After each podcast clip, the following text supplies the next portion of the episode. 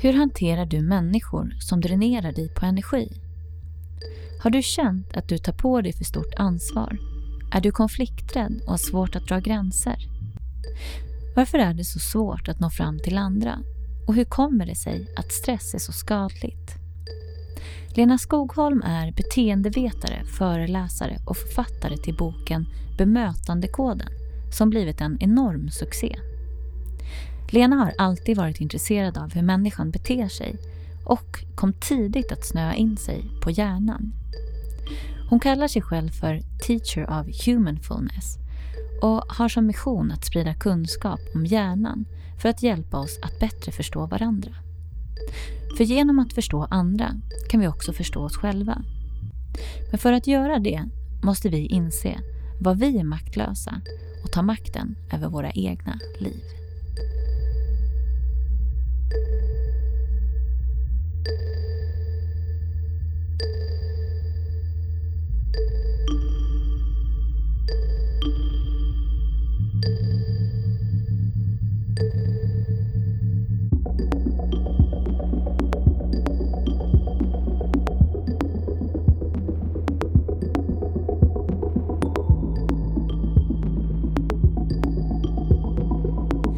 Välkommen till Medberoendepodden Lena.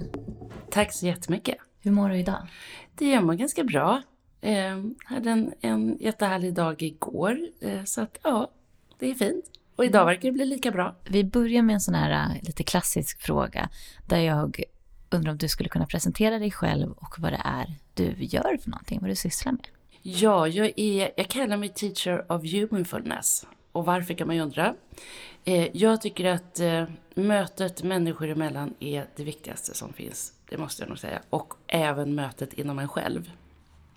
Därför har jag valt, kan man säga, det begreppet. Eh, jag är beteendevetare, och har specialinriktat mig på hur kan vi ha nytta av hjärnforskning i vardagen. Och varför det kan man ju undra. Jo, ja, mänskliga samspelet har jag ju varit intresserad av. Mina första minnen handlar om det. Och sen från tonårstiden ungefär, då, då vet jag att det här fascinerade intresset runt hjärnan började. Så jag har liksom kanske lite nördat in mig på det. Och då, då smälter de här sakerna samman i det jag gör idag. Men jag tänker det här med beteende, vad är det för dig?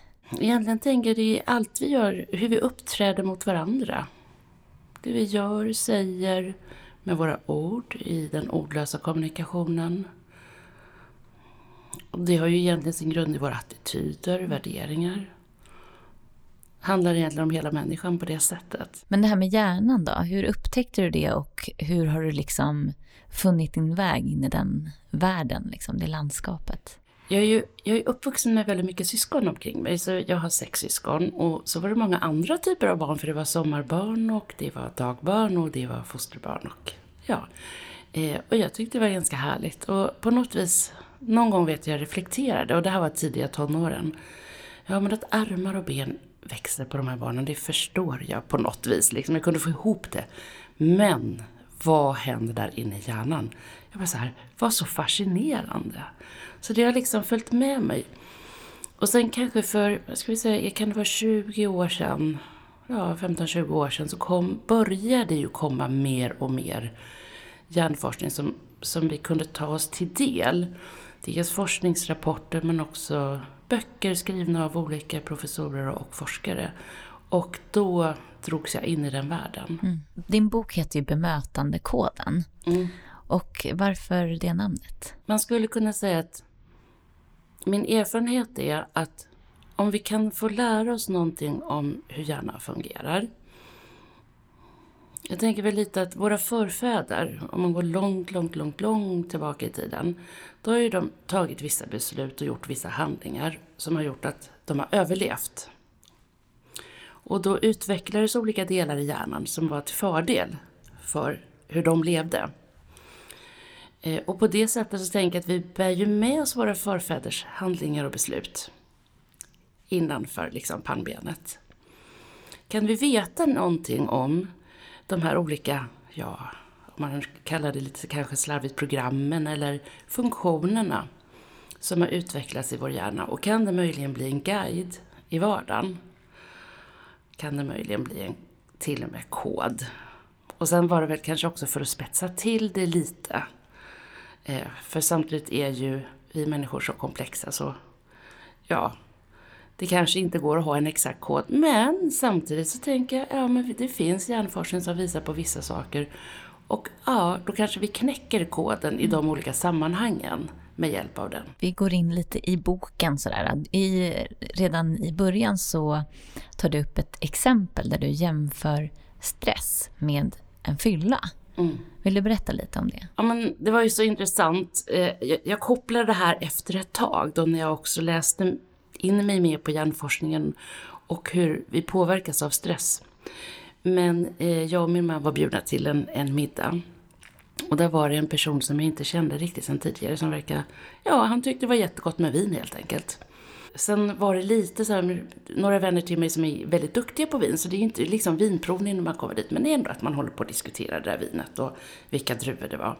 Och då var det så tydligt, för att i början, eh, han som jag inte hade träffat tidigare, han som var lite, eh, väldigt mycket förtjust i vinet, eh, han var väldigt, väldigt duktig också. Så han hade otroligt mycket liksom så här, man kände tydligt vilka olika smaker det var, dofter och så vidare.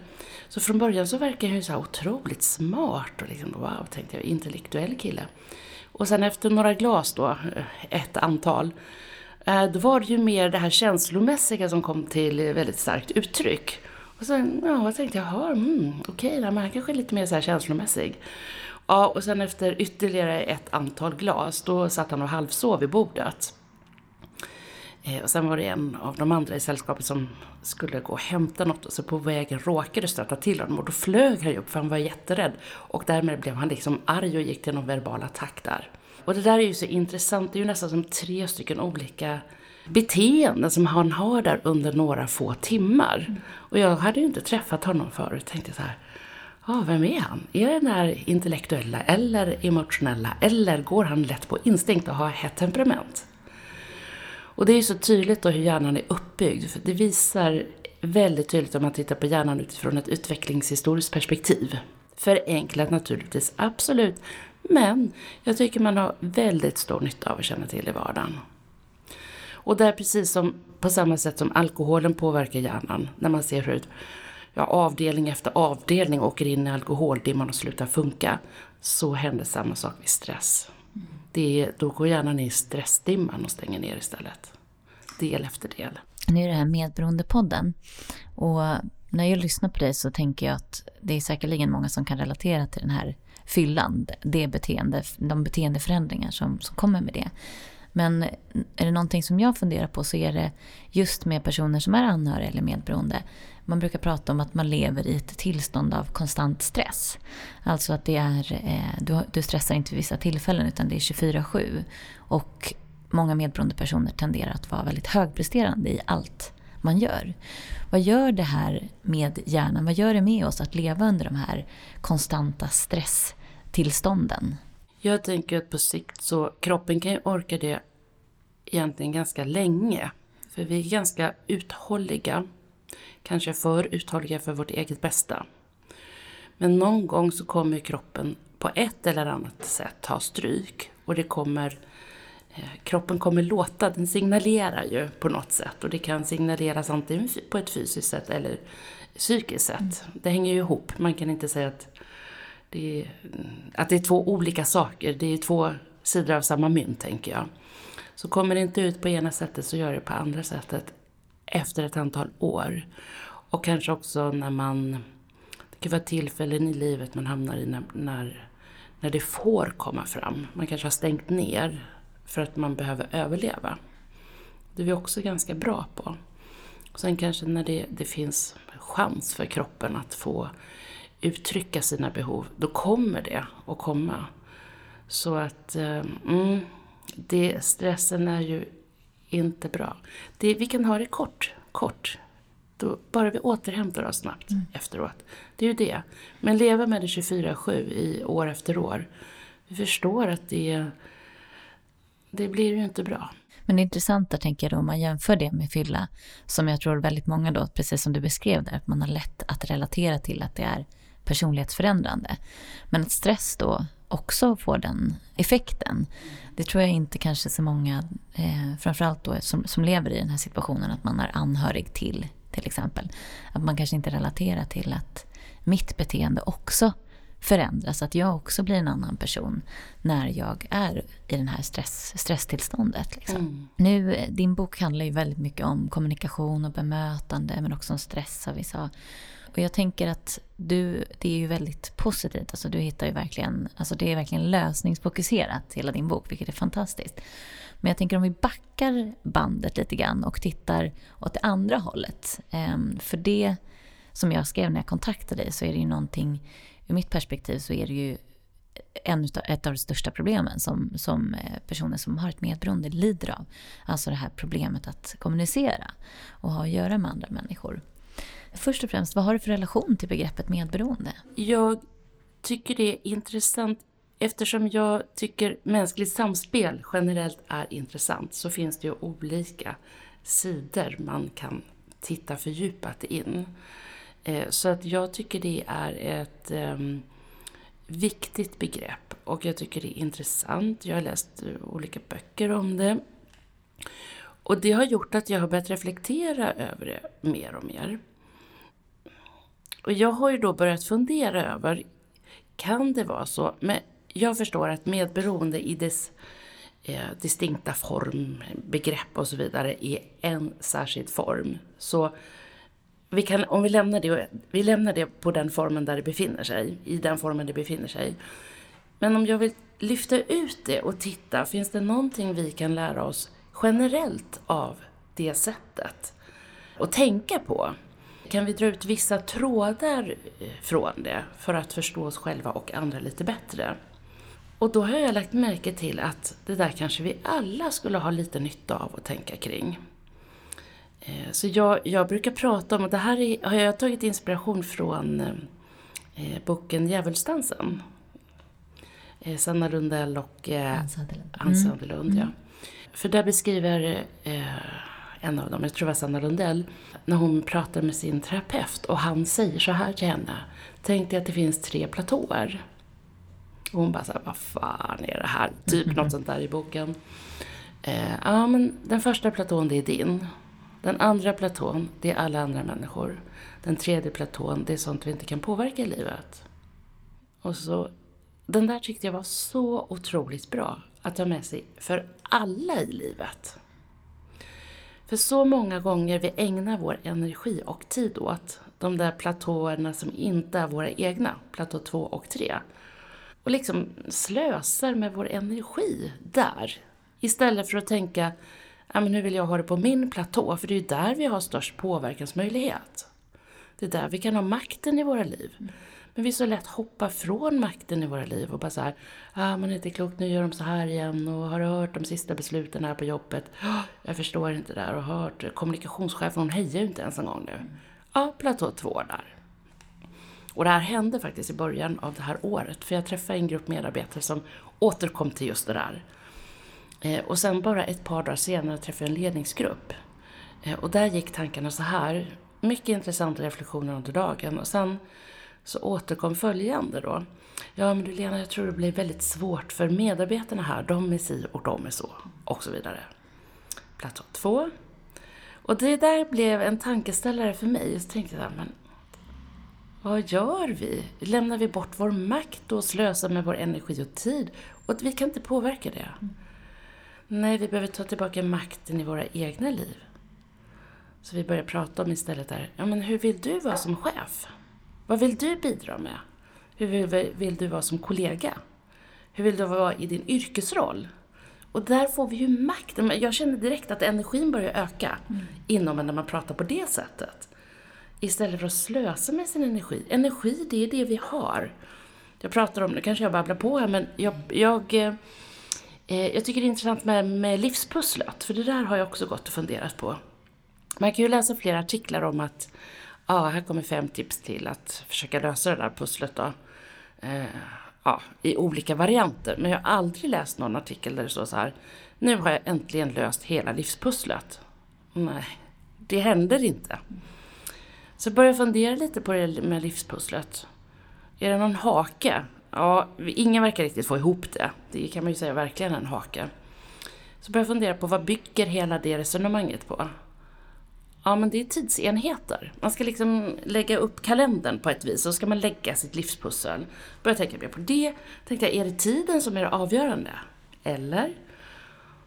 Började, om du är sjuk en hel vecka, du har en, du har, ja, du har en vecka, det är din tidsenhet, men har du så mycket energi, får du något gjort? Nej. Men du, om du är frisk och liksom är i världens flow en vecka, du har massa energi och får jättemycket gjort. Det är energin mm. som det handlar om. Så det där tycker jag är intressant. Vad, vad använder jag min energi till? Det är min livsvaluta. Mm. Ska jag slösa min energi på platå 2, då förlorar jag liksom en bra insättning på min egen platå. Mm. Så jag tycker vi alla har otroligt stor nytta av att ha det perspektivet med oss. Det måste jag säga. Men eh, vi kommer återkomma lite grann till det. Du var inne på väldigt mycket bra saker där. Men det här med bemötande då, om man tittar på det. Vad är, vad, innebär, vad är ett gott bemötande? Om man skulle sammanfatta det i en kärnmening. Mm. Så tänker jag att det är ju när jag utgår från hur du ser på världen och möter dig just där. Det finns olika typer av uttryck för det och jag brukar, jag brukar tänka så här. Om jag kan ställa mig i ditt neurolandskap och se hur du ser världen där utifrån och möta dig just där. Då menar jag att det är ett respektfullt bemötande, för då har jag respekt för dig. Det här ordet respekt tycker jag är helt underbart om man tittar på dess betydelse. Re betyder åter på latin. Spekt, spektrum, har att göra med att se. Mm. Jag återser det du ser. Det är sann respekt. Där har vi grunden för allt gott bemötande, tänker jag. Om man tittar, som jag sa, om man vänder på det här och tittar lite ur det negativa perspektivet, så är det ju det att många medberoende är ju mästare på att anpassa sig och känna in och fokusera väldigt mycket på hur jag kan bemöta den här personen, hur jag kan se till att den mår bra och så. Och det, det finns ju väldigt många positiva sidor men det som ofta händer är att motivet bakom det här eh, beteendet är ju i princip kontroll som, som i sig har motivet rädsla. Att många gånger så är, så är man rädd för konflikt. Och därför är det så viktigt att jag ser till att alla har det bra och känner in, känner in läget. Liksom. Vad kan man säga om det där? Alltså var, var går gränsen till när det är ett sunt eh, känna in och när det är någonting som, som eh, är skadligt? Egentligen tänker jag matematik. Om vi är två personer, då har vi hälften ansvar var att anpassa oss. Det är inte så att en har 100% ansvar. Det är där, då, går, då går det ju åt skogen. Mm. Och det är det som jag tänker medberoende så lätt och kanske ofta handlar om. Det är det som är grejen med det. Mm. Att det är en person som får anpassa sig. Kanske om än inte hela tiden. Så så fort det blir obalans i det där 50% 50% då tenderar det åt det hållet. Och då blir det inte bra för oss. För, för jag tänker vi måste ju också möta oss själva och bemöta oss själva på ett bra och gott sätt. Mm. Möta oss själva, var står jag nu i mitt neurolandskap om man vill använda det uttrycket? Eller vad har jag för behov? Hur tänker och känner jag om det här? Och det kanske inte är så enkelt om man är, lever som barn i en familj eller med en förälder där föräldern har olika typer av problem eller sjukdomar som gör att föräldern står 100% i centrum. För då får ju barnet aldrig ens chans att utveckla vad den tänker och känner. Utan det är ju som att man lever livet på platå 2. Mm. Så det är väldigt komplicerat. Du har ju ett kapitel också som handlar om den ordlösa kommunikationen. Mm. Och där eh, stannar jag upp väldigt mycket. Och jag tänker då om jag drar eh, från mina egna erfarenheter så tänker jag, jag växte upp eh, i ett hem med en mamma som var sjuk. Och där var det ju verkligen det här att orden motsvarade inte alls den övriga kommunikationen utan det var väldigt dubbla budskap vilket är jätteförvirrande för ett barn. Och eh, om jag minns rätt så är det 7 som, som orden egentligen står för i kommunikationen. Och vad har vi sen? Eh, 55 på kroppsspråk och vad blir det, 23 kvar på eh, ansiktsuttryck och, betoning och, och så. Någonting sånt. Något sånt. Mm. Och av den känslomässiga, mm. av det känslomässiga budskapet som sänds ut. Just det. Nej, för det där tänker jag är väldigt förvirrande. Jag har ju då fortsatt ha med mig det här beteendet och just då inte lyssnat till folks ord utan bara lyssnat till den andra delen. Och någonting som jag sen har utvecklat att ta på mig själv. Nu har ju jag liksom jobbat väldigt mycket på det här men när jag mådde väldigt dåligt så var det en jättestor del av, av vad jag gjorde. Det vill säga att eh, all kommunikation skedde indirekt. Det vill säga att det var nästan inga ord alls utan det är liksom suckar och pikar och liksom på alla sätt försöka förmedla ett budskap utan att säga det. Vad, vad har du för tankar kring, kring det där? Ja, för man kan också tänka så här, och shit, man har bara 7% på sig med orden. Mm. Då gäller det verkligen att tänka efter vilka ord man använder. Mm. Det tror jag är jätteviktigt. Och det är klart, är man uppvuxen i precis det du berättar i så är det ju naturligt för dig, för du har ju då fått präglat att det är så här man kommunicerar. Så det, är ju, det blir ett naturligt beteende för dig. Mm. Och vi, får, vi förstår ju att det blir problematiskt då, för då behöver man ju hitta orden. Mm. Och kunna hitta orden i harmoni med den ordlösa kommunikationen. Eh, så att de där känslorna och det där ordlösa, den ordlösa kommunikationen faktiskt också kan få landa i ord. Mm. Jag tänker det är ju också ett sätt att få uttrycka sina känslor. Och tankar, det var tankar jag skulle mm. säga. Och då kan det ju vara svårt att veta vad man tänker. Jag tänker så här att våra tankar, form, det, det är ju impulser från våra känslor som sätter igång tankar. Men om jag stannar vid känslan, då, form, då formar jag ju inte ens tanken. Mm. Utan då stannar jag där. Och om jag inte har format tanken, då kan det ju inte komma ut i ord. För det blir ju nästa steg. Men det, ja, jag tycker, där, där är du verkligen inne på någonting. För det är ju precis, jag har ju för, försökt förmedla känslorna. Men de kan ju vara väldigt luddiga. Och det där är ju också någonting som jag märker med dem jag har med i podden och sådär. Att det är ganska vanligt att, att när man pratar om till exempel då att du lever i en dysfunktionell relation och så går man och beklagar sig för sina vänner att hon gör aldrig det här eller ja, han tar aldrig hand om tvätten eller sådär. Eh, och så frågar man, men har du bett om det? Nej, nej men det borde ju den här personen förstå själv. Och där tänker jag liksom, om man, om man tittar på vad orden betyder, att även om jag kan förmedla känslor så är det väldigt otydligt vad de känslorna berör. Som du sa, att det kanske orden egentligen handlar kring, kring det jag tänker. Alltså det är det jag försöker förmedla, men när jag inte säger det så blir det ett känsloutskick. Men det är väldigt svårt att läsa av vad det egentligen rör. Liksom. Ja, men exakt. Mm. Eh, och vi även när vi försöker mötas och verkligen försöker förstå varandra så gör vi ju aldrig det. För vi alla har våra egna sätt att eh, tolka och förhålla oss till alla saker i livet. Mm. Vilket gör att om det det är ett litet vagt, eller det kan ju också vara ett starkt känslouttryck, men det, det blir ju otydligt för det är inte riktat åt något håll utan bara allmänt. Eh, och den andra inte har en tanke på att det här kan röra tvätten utan kanske tror att det rör något helt mm. annat. Vill hon göra slut? För man vet inte hur den personen, vad den har för erfarenheter med sig. Att när i, som till exempel i, i den personens familj, när uttryckte sådana här känslor, ja då blir det kanske första associationen. Mm. Så det blir ju det blir verkligen luddigt hela vägen. Men du talar ju en del om det där också för att kunna se till att ett budskap når fram så kan det vara bra att veta att vi är olika. Eh, och du beskriver lite olika personlighetstyper och så här. Vill du dra det lite grann? Jag misstänker att du kanske tänker på de här, men jag, jag har ju namn i jätteolika mm. Mm. personligheter. Mm, där med driftiga Doris och inspirerande Ida, mm. analytiska Alex och vänlig Valle. Exakt. Jag tycker det är intressant för om man tittar på forskningen bakom först då. Eh, det är som man tittar på höger och vänster hjärnhalva så finns det lite olika typer av funktioner.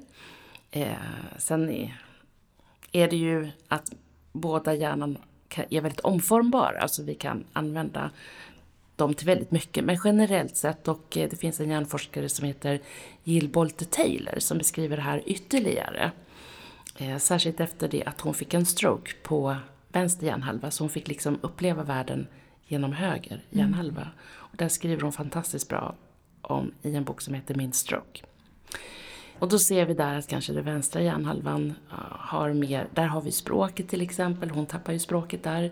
Mera av logik, vi tänker detaljer, strategiskt steg för steg. Medan höger hjärnhalva generellt sett, och vilket hon också beskriver, känslan och vi är ett med alla som hon beskriver i sin upplevelse av det. Vi ser på det sättet helheten. Och då finns det annan forskning som visar att en del av oss kanske då är lite mer vänsterhjärnhalvade, en del av oss lite mer högerhjärnhalvade. Daniel Siegel, amerikansk professor, han har bland annat tittat på det här utifrån perspektivet vilken typ av anknytning man hade i sin barndom. Och hans forskning pekar på att om det var trygg anknytning, alltså det är väldigt intressant, mm, då utvecklades vänster hjärnhalva mer. Och var det otrygg då eller ambivalent eh, anknytning som det också pratas om, man visste inte, det mm. kunde vara bu eller bä men man hade ingen koll. Eh, då utvecklades höger hjärnhalva mer. Ja, så det finns dels att vi föds ju med en biologisk uppsättning, mm. men präglingen som sen sker är ju väldigt stark. Så det blir ju en kombination av det då. Ja, och sen eh, finns det ju också då väldigt mycket forskning om att en del av oss är extroverta och en del lite mer introverta. Så man kan säga att de här fyra har sin grund i det här. Sen var det en som var samtida med Freud som utvecklade han ville titta, Freud han eh, undersökte ju sjuka människors beteenden. Men han, William Marston han ville titta på friska människors beteenden. Och identifiera fyra stycken olika grupper. Så det är därifrån den här gemensamma bilden av forskningsläget bakom de här eh, som jag tagit inspiration från då, mm. och de har sin grund i. Sen har han namngett dem för att det är enklare att ta till sig. Då, så att Ja, driftigatoriskt det är mer rakt på sak och snabb och det, det är logiken i centrum och det är ett väldigt högt tempo. Eh, och hon gillar när man går snabbt mot ett mål och så ser man resultat och toppen, då känns det bra. Mm.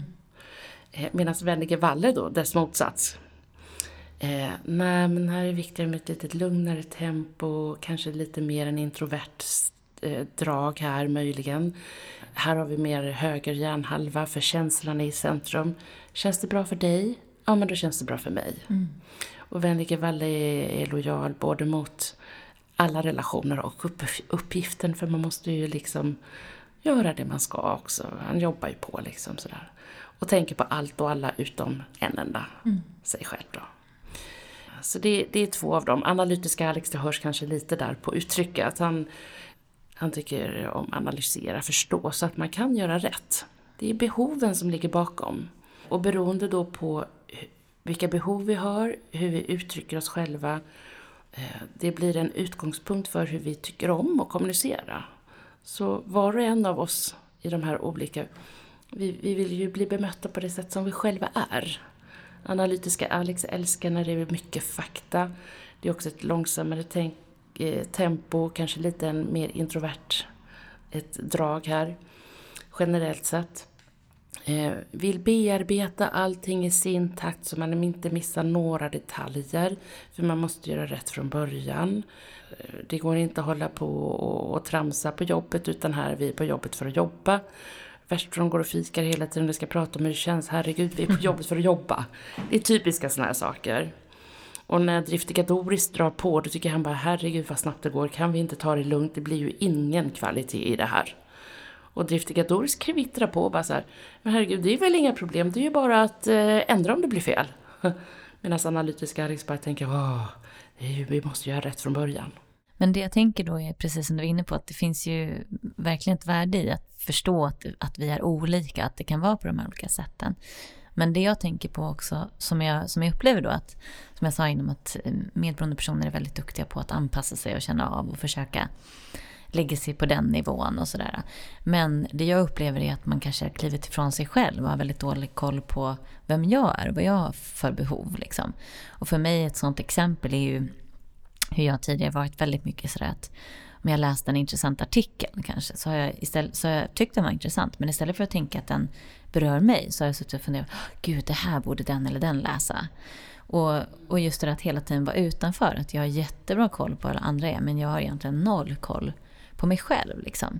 Hur, hur kan man då, för du var inne på det här tidigare också, hur kan man jobba på att bemöta sig själv mm. på ett bra sätt? Jag tänker det som händer i, om vi återgår till de här platåerna, jag tycker det är så fin bild för att förstå det, vad som händer. Mm. Och sen är det ju väldigt komplext bakom naturligtvis i varje detalj. Men man har ju lärt sig att leva på en annans platå. Du har aldrig ens fått bygga och stå med ett enda ben på din egen platå. Och då tänker jag att det blir ett logiskt beteende då att om jag läser en artikel, då läser jag den utifrån platå två. Mm. Alltså vem är det här bra för? Det är någon annan hela tiden. Mm. Så det är ett otroligt gediget arbete att som medberoende få börja bygga sin egen platå. Mm.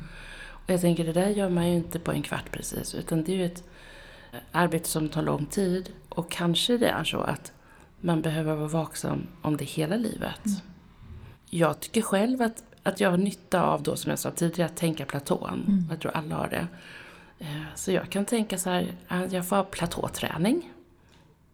Eh, om jag, vi halkar ju alla någon gång, det är ju högst mänskligt generellt sett. Eh, för alla och har man då levt i ett medberoende kanske det är extra viktigt att ha koll på det här och vara vaksam på när hoppar jag till platå två eller tre, alltså jag lämnar min egen. Så att, att då brukar jag tänka platåträning. Och det kan ju vara vissa personer som kanske särskilt triggar oss eller situationer som triggar oss att lämna vår platå. Eh, så då brukar jag tänka så här, ah, nu får jag chans till extra bra platåträning för att peppa upp mig själv lite. Just. Jag brukar också tänka att man kanske ska ha en gatekeeper som står där på platån. Eh, kanske man kan också hjälpa varandra, vara lite gatekeeper. Så att, ja ah, men hur vill du ha det? Mm. Genom att ställa frågor till exempel. Just det. Ja, för du har ett kapitel om eh, det här med energitjuvar. Och det, där kan ju jag ganska snabbt byta ut det till man säger, sjuka människor då på olika sätt. Alltså vare sig det är någon som har ett beroendeproblematik, psykisk ohälsa, narcissister, alltså dysfunktionella, destruktiva personer. Det är ganska lätt att, att ersätta det och att många gånger så, jag har ju alltid hela mitt liv omgivit mig med personer som har varit som jag då sätter som energitjuvar på olika sätt. Och gjort allt för att göra dem nöjda eller hjälpa och sådär. Liksom. Hur, hur kan man förhålla sig till de här energitjuvarna? Jag tycker det är intressant att tänka på så här. När vi anpassar oss respektive när vi inte anpassar oss. Det är ganska snabbt att man kan identifiera vad är det som tar energi. Mm. Det tar energi att anpassa sig. När jag inte behöver anpassa mig så tar det inte lika mycket energi. För då får jag vara i mitt eget neurolandskap. Jag behöver inte liksom klättra ur mig själv och hoppa in i någon annans neurolandskap och försöka hitta de här olika vägarna och leta mig fram. Man, man känner ju direkt att det tar jättemycket energi. Om det då är den, de här olika typer av dysfunktionella sakerna som finns hos personen. Det, det, det, kan ju till och med vara så att man tror en person som har så mycket olika typer av dysfunktionalitet, den ser inte ens att det finns andra platåer. Mm. För den tror att världen är min platå. Och det finns inte andra. Och då, då är det ju självklart att alla ska komma till den personens platå, för det var ju den enda som fanns i hela världen. Mm. Det är ju otroligt dysfunktionellt, ja. Och då är det klart att det tar energi, för du får ju inte vara hemma hos dig själv. Eh, så det är ett sätt att se på det, tänker mm. jag. Plus att du får ju heller inte någon som anpassar sig till dig. För när vi möter personer som gör det, då får vi ju en chans att vila. Och vi får liksom ladda batterierna i att vila hos oss själva. Mm. Plus att när någon också vill vara hos oss, det blir ju ett möte här. Jag får vara ett jag och jag möter ett du. Martin Buber, filosof, skriver om det här. Jag tycker det är så fint det han skriver. Istället för att man är ett objekt så får jag vara ett subjekt. Han pratar ju om att man är ett, om jag minns rätt, man är ett jag-väsen eller mm. människoväsen. Och det är först när jag är ett jag och du är ett du och vi möts på riktigt här. Det är ju där, det är först då ett, en riktig dialog, äkta dialog som han benämner det, skapas. Annars är det bara prat. Mm. Och det är där som jag tänker livet skapas. Det där är intressant, tänker jag. Liksom, var upplever du går gränsen när jag då kliver över på någon annans platå? Och hur kan jag göra för att på något sätt stanna kvar på min? Speciellt då i, i relation kanske till en energitjuv. Så. Ett grundläggande eh, bra förhållningssätt, tänker jag, det är att träna sig att alltid använda jag-budskap. Jag känner så här. Jag tänker så här. Alltså utgå från sig själv. För då står jag ju på min platå och säger hur jag tänker och känner. Jag upplever det så här. Jag känner så här när du gör det. På det där sättet. Mm. Jag önskar, kan du tänka dig att göra så här istället? Att utgångspunkten alltid är jaget. Istället för att motsatsen blir ju du-budskap. Nu måste du skärpa dig eller du måste göra si eller du måste göra så. Vilket också upplevs som en attack. Lätt. Men det blir så mycket mer ofarligt när vi pratar utifrån jag-budskap. Så jag tänker det finns en eh, större chans för att faktiskt få dialog. Och jag, jag tycker också att det blir mycket tydligare. För då behöver jag ju sätta de där orden på känslorna och tankarna. Mm. Så att på ett sätt medvetande gör jag mig själv och den andra genom det. För är det någonting som, som medberoende personer har svårt med så är det ju det här med att dra gränser. Eh, att säga ifrån och så. Om jag drar det till mina egna erfarenheter så har det ju varit mycket för att jag har varit så rädd för den negativa reaktionen det här kommer leda till. Och något som har hjälpt mig mycket det är att jag någonstans har, har lärt mig att de flesta gånger som jag drar en gräns så kommer förmodligen inte första reaktionen vara tjoho utan det, det är mycket möjligt, eller ganska stor, stor del av eh, de gånger när jag drar gränser som folk kanske reagerar negativt först. Men att det senare landar i någonting bra. Så att bara svälja den delen och ha med mig det har ju liksom underlättat. Men du tar ju upp det här med, med att ge negativa Eh, besked eller sådär. Och det tänker jag lite, det rör sig lite kring det här med gränsdragning och sådär också. Hur, eh, hur ska man tänka kring, kring det här med att dra gränser eller ge negativa besked eller förmedla någonting negativt sådär? Tänk om, om man tänker gränssättning. När jag resonerar kring negativa besked så utgår jag också från de här tre olika delarna vi var inne på i början av samtalet. Eh, med att vi har vår instinktsdel, den äldsta delen i hjärnan. Vi har vårt emotionella och vi har vårt eh, kognitiva. Och generellt sett, sen måste man ju alltid tänka efter hur situationen är. Generellt sett så pratar man om att, vilket jag också beskriver i boken, att man behöver börja med det här tydliga som då man egentligen möter den äldsta delen i hjärnans behov av det tydliga. Jag behöver det här. Och det är så för mig nu. Det är väldigt så kort, konkret och tydligt. Vad händer nu? Det möter den här egentligen instinktsdelen. Efter det så kan det komma någon typ av reaktion från den andra. Antingen kan den vara kvar i instinkten och bli arg. Och då får vi försöka stå upp för oss själva när det gäller gränssättning. Nej, men jag behöver det här. Jag måste ha det här nu. Mm. Det får bli så jag gör det här valet. Det är inte alltid enkelt. Eh, det är nästan som att man får hålla sig fast där på sin platå. Eh, säkerhetsbälte på så man inte smiter iväg där då. Vilket ju är förståeligt att det kan vara lätt om man möts av ilska. Det kan vara också upprörda känslor på ett mer emotionellt plan. Nej men du bryr dig aldrig om mig och du ska bara tänka på dig själv eller vad det nu kan vara, massa olika varianter på det. Lägga skulden tillbaka och så vidare. Det blir en emotionell reaktion från den andra. Eh, ja, vi behöver hålla fast vid vårt beslut. Vi kan, vi kan visserligen möta med förståelse. Jag förstår att du blir upprörd. Jag förstår att det här blir jobbigt för dig. Det här är så viktigt för mig, jag behöver göra det. Jag har förståelse för hur du upplever det. Sen möjligen så kanske man kommer till det kognitiva, alltså ett steg upp då i, i, vår avdel, bland våra avdelningar i hjärnan. Och kan mötas på ett kognitivt plan och, och diskutera om det sakligt mera. Jag förstår ju att du har de här behoven, kanske den andra möjligen kan komma till då. Och jag tänker att ja, men då kanske jag gör så här istället så att jag också tar hand om mina behov. Så det är ett sätt, tänker jag, att se, se Mm. på det.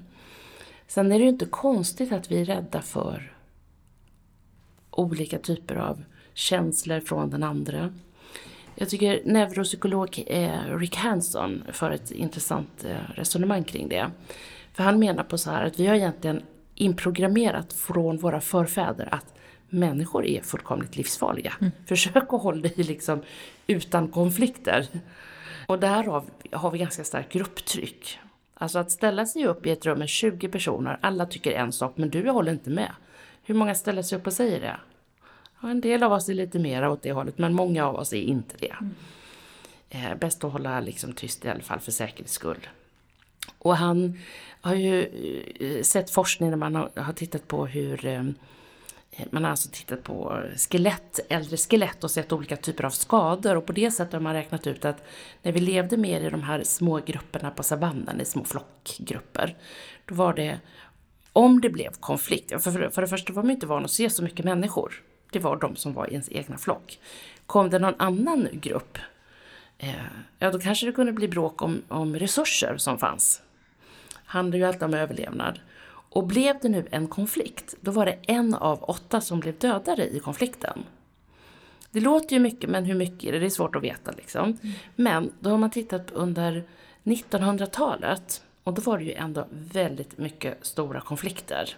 Det var första världskriget, det var andra världskriget och Balkankriget och många andra krig i Afrika till exempel. Eh, då var det en av hundra som blev dödade i konflikt. Det var skillnad mot en av åtta. Så det är som att våra förfäders eh, på ett omedvetet plan så är det som att de ropar till oss, se till att stoppa ingen konflikt, håll huvudet lågt. För annars blir det en konflikt så är det risk att du får betala med ditt, pri, med ditt liv som pris. Mm. Så det är ju förståeligt att det är jobbigt att sätta gränser. Mm. Har man dessutom fötts in så att säga i ett medberoende och inte fått bygga upp en enda påle på sin platå det är logiskt att ett medberoende utvecklas, skulle mm. man kunna säga. Mm. Du pratade om respekt tidigare och sådär. Och där, eh, det funderar jag ganska mycket på också, för att om man då plockar tillbaka det här med att ord är 7% och så. Det låter ju som den här första gränsen verkligen börjar med någonting så klart och tydligt som ord. Och inte den här känslomässiga grejen utan att det börjar vid någonting konkret. Sådär. Och eh, jag tänker då, för att då dra tillbaka det till mina erfarenheter också eh, den här grejen med att jag alltid tyckte att jag inte respekteras. Att folk inte ger mig respekt. Och, och, och det här att jag, när jag har kanske dragit en gräns så har det ju ofta varit så att jag kanske har sagt nej. Men sen har jag med hela min kropp och mitt beteende och hur jag uttrycker inte krävt samma, samma sak. Och det här är verkligen någonting som jag har funderat mycket på senare tid. Och så att dels att vikten av att jag ber om respekt, alltså med hela mig själv, som du sa, står kvar på min platå. Eh, men också att ge respekt till andra. Och där, det är ju någonting som jag har trott att jag har gjort, men egentligen så har jag varit och klampat på andras territorium hela tiden. Och det gör ju på något sätt att jag inte visar att jag respekterar deras gränser och jag tillåter också andra att kliva in på, på mitt territorium liksom, utan att det finns någon tydlig, tydlig gräns där. Och sen efteråt blivit provocerad av att jag inte får respekt. I det här kapitlet eh, där du som kallas skapa förtroende och få andra att lyssna. För mig är det liksom lite inne på det här att hur gör man för att ge och få respekt? Om man, om man tänker först eh, i en medberoende situation Eh, Eh, då kanske du aldrig har fått respekt. Så då, då enda sättet för att nu liksom bygga upp den där respektplattformen, det är att man måste börja ge sig själv respekt. Eh, och det kanske inte är så enkelt då. Så jag tänker det är ett, om man ser det utifrån det perspektivet. Och det är ju ett eh, gediget arbete inifrån sig själv, att lyssna på sina behov, tankar och känslor. Och respektera det. Och att ja, men du får känna det du känner. Du får tänka det du tänker, för det är du. Det är ditt jag. Och den där jag-blomman ska vi vara så rädda om. Och eh, vattna och ge näring så att den får frodas. Och när vi respekterar oss själva, då är det ju som att vi bygger ut vår platå, skulle man kunna säga. Mm. Då bygger vi ut den, så att den växer. Men varje gång vi inte respekterar oss själva, eller låter någon annan klampa in, då är det ju som att den huggs ner lite, platån, och minskar. Så ja, vi förstår att det är viktigt för oss alla att ha det här med i bakhuvudet. Och ibland tycker jag att man blandar ihop det här egot och det som jag kallar jagblomman, som jag hörde, mm. jag tror det var ärkebiskopen som sa det i en intervju. Um, jag tycker det är ett oerhört vackert uttryck. Egot är något helt annat jag ska ha för jag ska ha. Och sen tror vi att det är dumt att tänka på oss själva. Ja, men vi glömmer jagblomman. Den ska vi ta hand om. Den första och viktigaste uppgiften i livet, vad är det? Ja, det är ju att ta hand om oss själva. När vi, när vi låter vår jagblomma växa och gro och få bära frukt och då kan vi vara också till, ja, så att säga välsignelse för andra om man vill använda det uttrycket. Sen kan man ju se generellt sett, på ett, om man tar ett annat perspektiv med det här att eh, både få förtroende och ge förtroende. Jag tänker att det finns någon balans i det här, egentligen lika väl som i att när man anpassar sig. Det handlar om att ja, men jag kan lyssna på dig här och så är du välkommen nu att lyssna på mig. Mm. Alltså då får du anpassa dig efter hur jag tänker. Jag tänker det finns en, en jag skriver om det i boken som att eh, balansen mellan att eh, jag kan lyssna in dig och jag kan leda vidare utifrån mitt sätt att tänka. Mm. Och jag tror att när vi får en bra balans där, då, då, kan, då finns det ett utrymme för att respekt kan växa. Eh, för att båda blir, när vi får bra balans, lyssnade på, får uttrycka sig och eh, jag tänker att i det rummet kan förståelsen växa. Mm. Det finns ett uttryck som heter också pacing, med att man lyssnar in den andra. Jag har inte hittat ett sådär superbra ord för det i översättning till svenskan. Men pacemaker är ju ett ord som kommer från, från det. Att pace, eh, det handlar om att gå i samma takt som, eller slå i mm. samma takt som hjärtat är. Så pacing handlar om att jag går i samma takt som dig. Jag tycker det är ett väldigt vackert uttryck. Mm. Eh, så jag kan ha pacing med dig, jag kan gå i samma takt som dig. Och sen leading då, eller leda vidare, vilket jag tänker är, då är det från min utgångspunkt. Och det är där, i den balansen, som jag tänker det här förtroendet får chans att uppstå. Och det låter ju också lite grann som dels det här att möta andra där de är eh, i, i möte liksom med, med andra människor. Eh, men givetvis också möta andra där jag är. Att inte liksom försöka, för det, för det är någonting som jag verkligen kan känna igen, att man försöker vara något annat. Alltså sådär att anpassa mig till situationen istället för att vara kvar i mig själv och försöka förstå, förstå situationen. Att det är lättare att ha någon slags överblick då på det. Mm. Det här med att känna in, att bemöta andra. Det känns ju som mycket den här bemötandekoden, att det är mycket att vi ska bemöta andra som vi själva vill bli bemötta. Men jag tänker där också att det blir nästan som att vi ska bemöta oss själva så som vi vill att andra ska bemöta oss eller att vi vill bemöta andra. Det blir lite, man kan vrida på den där lite grann. Mm. olika perspektiv. Och det är väl det som jag, är mitt syfte, min förhoppning med boken. Mm. Att att ja, det handlar om att bemöta andra men det handlar exakt lika mycket om att bemöta dig själv mm. och förstå dig själv. Så att både egentligen jaget och duet kan växa tillsammans. Mm. Eh, sida vid sida. Men det här med, med stress då, om vi bara plockar upp det igen. Eh, I slutet av boken så tar du upp två olika typer av stress. Och det är inre och det är yttre stress. Och då tänker jag, skulle du vilja beskriva vad de innebär lite grann sådär? Och jag har ju en bekant eh, som bor i, eh, i Bryssel. Eh, och hon är, hon är gift med sin man som jobbar där då och, och hon är hemmafru. De har inga barn, de har städhjälp och de har trädgårdsmästare. Och hon är grymt stressad.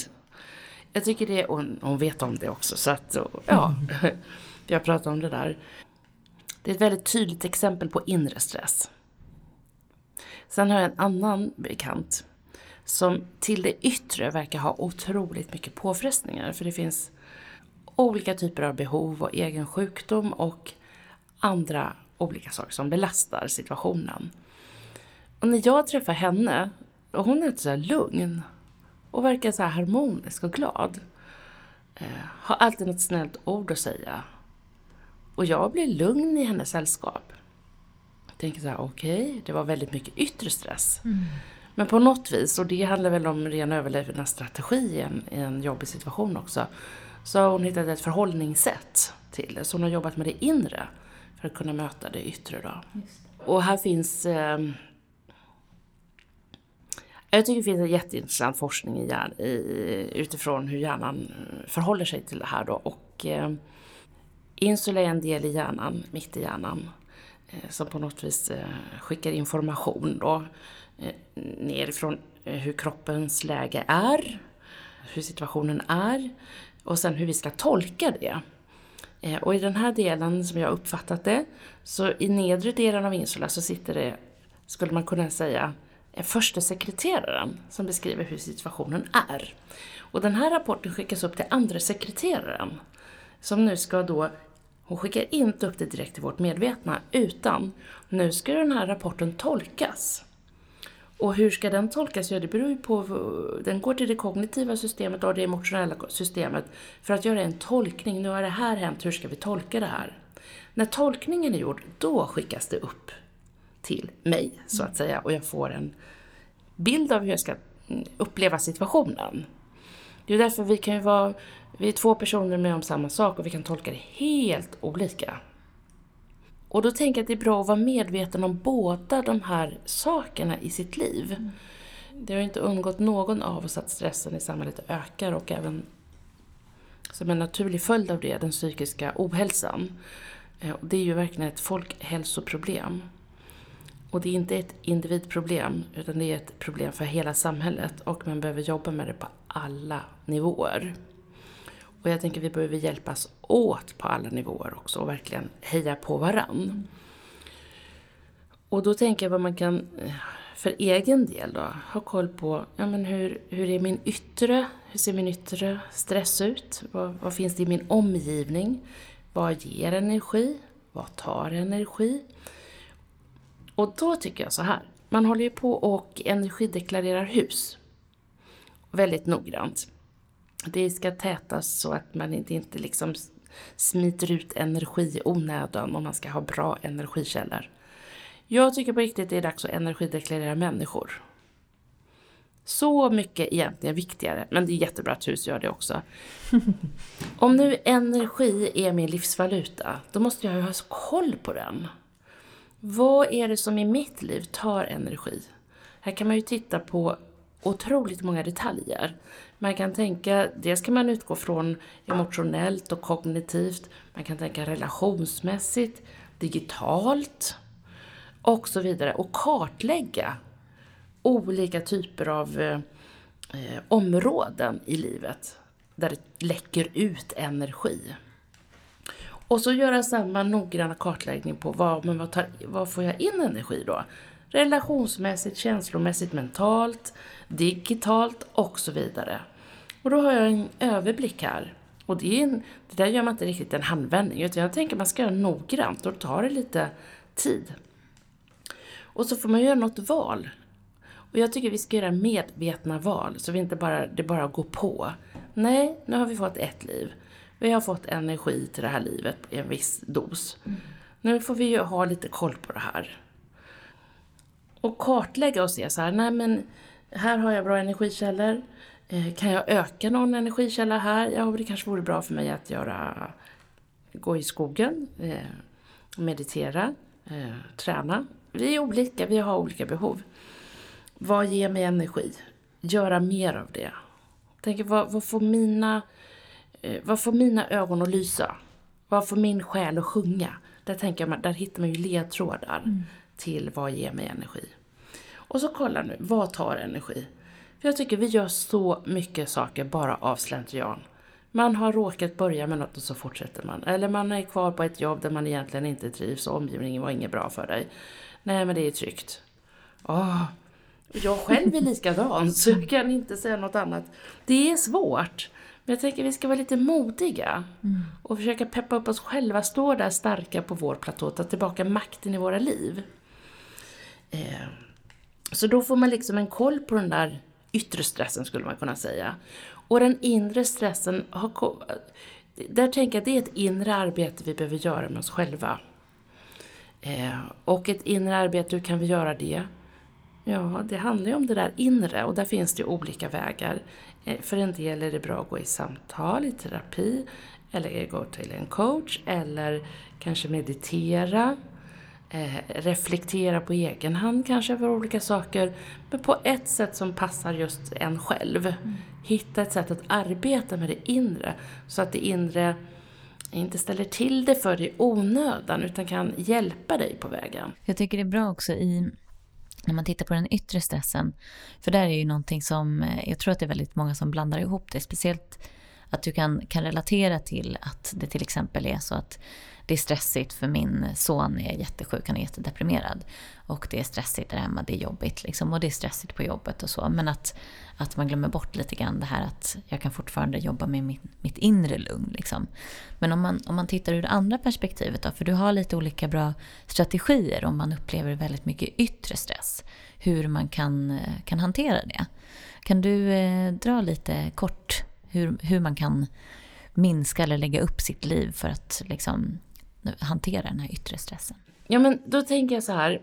Dels så där med lin, då, tänker, då ska man ju gö göra saker smart. Ett exempel som jag, varje gång jag har flyttat eh, och man ska ställa in någon diskmaskin, om man inte, om nu inte redan, nej men vänta, nu, om jag kommer till ett nytt kök mm. och så står diskmaskinen någonstans ju, den är ju installerad då, om man inte köper en extra ny sådär. Mm.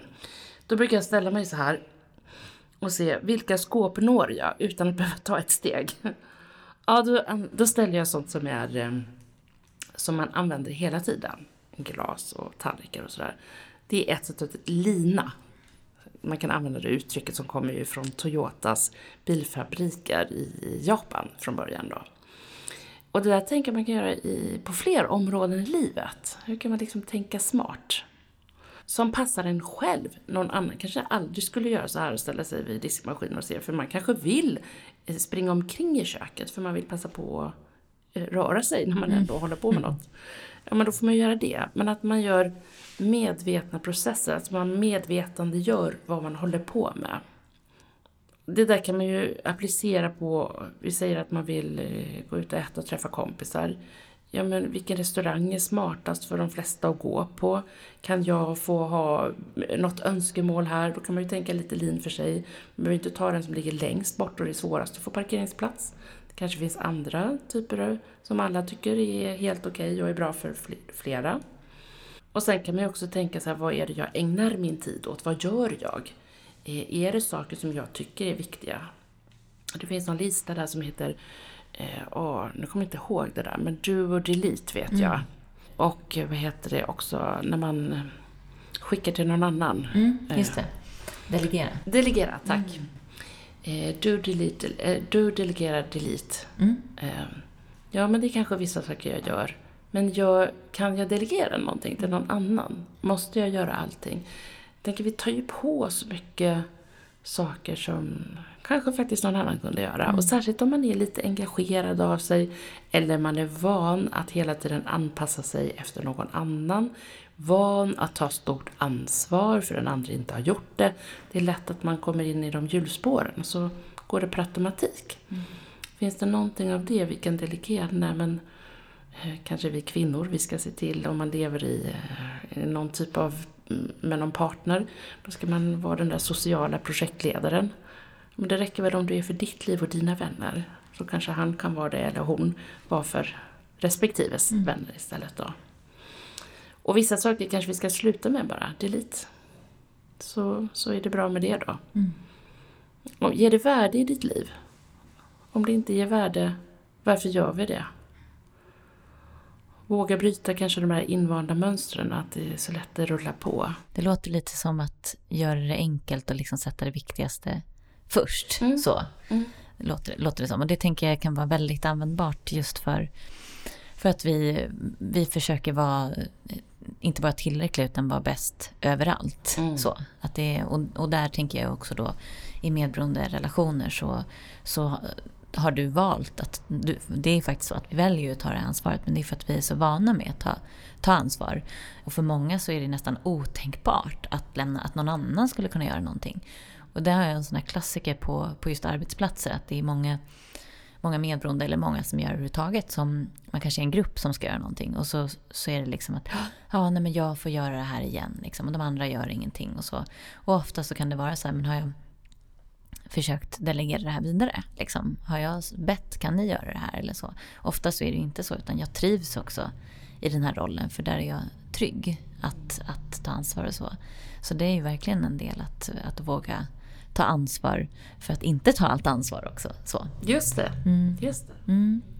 Men sen så landar vi lite grann i det här. Dels så pratar du om att, eh, att vi ska gödsla vår egen gröna plätt. Mm. Vad menar du med det? Då finns det ju en forskning, Paul Gilbert ligger bakom det. Eh, och sen finns det också en eh, bok på svenska skriven som heter Compassion fokuserad terapi. Eh, Kristina Andersson mm. och... Ja, var det med här. Mm. Ja. Eh, fantastisk bok också. Eh, och där tycker jag de beskriver så tydligt. Eh, jag kallar dem för tre operativsystem vi har. De kallar dem också för motivationssystem. Alltså vad är det som gör att vi människor drivs framåt och inte bara lägger oss ner och typ dör för att det blir lite jobbigt. Eh, och då beskrivs då dels hotsystemet som då naturligtvis går igång om det är något hot, verkligt eller fantiserat. Och det där är ju väldigt lättväckt. Om man tänker våra förfäder, de låg där på savannen och tog det lugnt och så började det prassla i busken. Bara så, Åh, nej, är det en orm som ska hugga? Nej, det var visst bara en fågel som flaxade med vingarna. Men den som missade en enda gång fick betala med sitt liv. Mm. Så det är väldigt lättväckt och du ska vara beredd på ifall. Så det räcker med att det kan eventuellt möjligtvis vara ett hot, så väcks det. Och då duschas ju Eh, stresshormoner ute i hela kroppen och det påverkar vad vi tänker, känner och vad vi gör. Så jag kallar det för ett operativsystem som hela vårt system fungerar genom. Eh, och här känner man ju igen då instinktsdelen i oss, hur vi reagerar. Flykt, attack eller spela död. Och eh, vad vi känner, ja vi blir ju rädda, frustrerade, irriterade, det kan vara skam och skuld och så vidare. Och hur är tankarna? Ja, det är ju verkligen tunnelseende mot hotet. Mm. Eh, om våra förfäder blev väckta av det där prasslet i busken då var det ju det var fokuserad, eller fixerad blick vid busken. Var det nu en vacker blomma ett par meter från busken, den såg man ju inte ens en gång. För det var tunnelseendet. Och sen finns då målsystemet, eller man kan kalla det utforskande systemet, som går igång, eh, kanske om det börjar kurra i magen på våra förfäder, det var dags att gå ut på jakt. Då kunde man inte ligga där och såsa på savannen. Nej, då blir operativsystemet ett annat. Målsystemet går igång. Dopamin duschas ut i varje cell i kroppen. Vilket gör att vi blir väldigt så engagerade och utforskande, aktiva, kanske rastlösa. Full fart framåt. Och vad har vi för tankar? Ja, det är fullt, vi är fullt upptagna med att tänka på målet. Alltså tunnelseende mot målet. Så om våra förfäder på jakt mot mm, mat ett byte framför ögonen. Om de springer förbi en vacker blomma, kan de se den? Nej, för då missar de kanske maten. Mm. Och sen sist men inte minst då, så har vi trygghetssystemet. Alltså när våra behov är tillgodosedda och inget hot är i, i, i sikte. Då kan vi ta det lugnt och bara njuta av det goda i livet. Nu har vi tid, möjlighet att kunna stanna vid den vackra blomman känna hur, eh, doften, njuta av de, hur vacker den är. Och här duschas då också oxytocin ut i varje cell som gör att vi mår bra. Och det är först här vi har en icke-dömande och öppen uppmärksamhet. Vilket gör att jag kan lyssna in dig, vara vänlig mot dig, jag kan vara så här prosocial som det heter. Jag kan vara snäll mot dig innan du är snäll mot mig. Mm. Eh, och det är bara på ett ställe av dessa tre vi laddar batterierna. Och det är just det där gröna trygghetssystemet. De har olika färger, det är därför jag säger de färgerna. Då. Hotsystemet är röda. Det tar ju energi att vara där och det förstår vi för det är som ett turbopåslag mm. på kroppen. Eh, det blåa då eh, målsökande, utforskande systemet. Ja, det kan ju vara kul att vara där för man kanske har ett projekt på jobbet eller du har en resa du ska göra som man blir så uppfylld av. Så det är ju roligt. Och dopaminet det gör, gör sig upprymda. Men vi ska också vara medvetna om att det tar energi. Man skulle kunna kalla det kanske för lite positiv stress. Och eftersom energin är livsviktigt, det är din valuta i ditt liv, Det är det du har att spela med. Då är det väldigt bra om vi har koll på vilka olika operativsystem vi använder oss av i vardagen. Eftersom vi då lever i en vardag, en samhällsanda som andas åt stresshållet med den här psykiska ohälsan som har kommit till följd av det. Vad viktigt är att vi verkligen kollar av hur ser min inre färgpalett ut av dessa tre. Hur stor del får hotsystemet, trygghetssystemet och målsystemet? Och reflektera över, är det här bra för mig? Eller är det så att jag behöver nu gödsla trygghetssystemet, mm. den gröna plätten, och se till att det får lite mer utrymme. För det kanske är så att vi blir medvetna om, oj då, jag gillar ju att vara så gång och aktiv och engagerad. För vi känner inte av att det blir jobbigt för det är så kul. Och sen kanske man inte förstår varför man blir så trött. Och då kanske det är bra att ha lite koll på den där gröna plätten. Och se till att vi gödslar den istället. Mm. Och jag kan lätt erkänna att jag går ju lätt upp i det där blå systemet. Att jag, jag gillar ju när det händer saker, jag är så här engagerad typ. Eh, så för mig har det varit väldigt bra att eh, ha det här lite som bakgrund, tänka ja, hur ser min inre färgpalett nu ut nu? Ja, det var värst vad lätt jag hoppar upp i det där blåa. Okej, det kanske blev lite för mycket av den varan. Så då försöker jag tänka att ja, men jag, jag kan ju fortfarande göra saker, men att jag gör det på ett grönt sätt. Alltså på ett lugnare, inte bli så för ivrig och man ska sätta upp mål för allt möjligt nu. Det är ju också någonting vi håller på mm.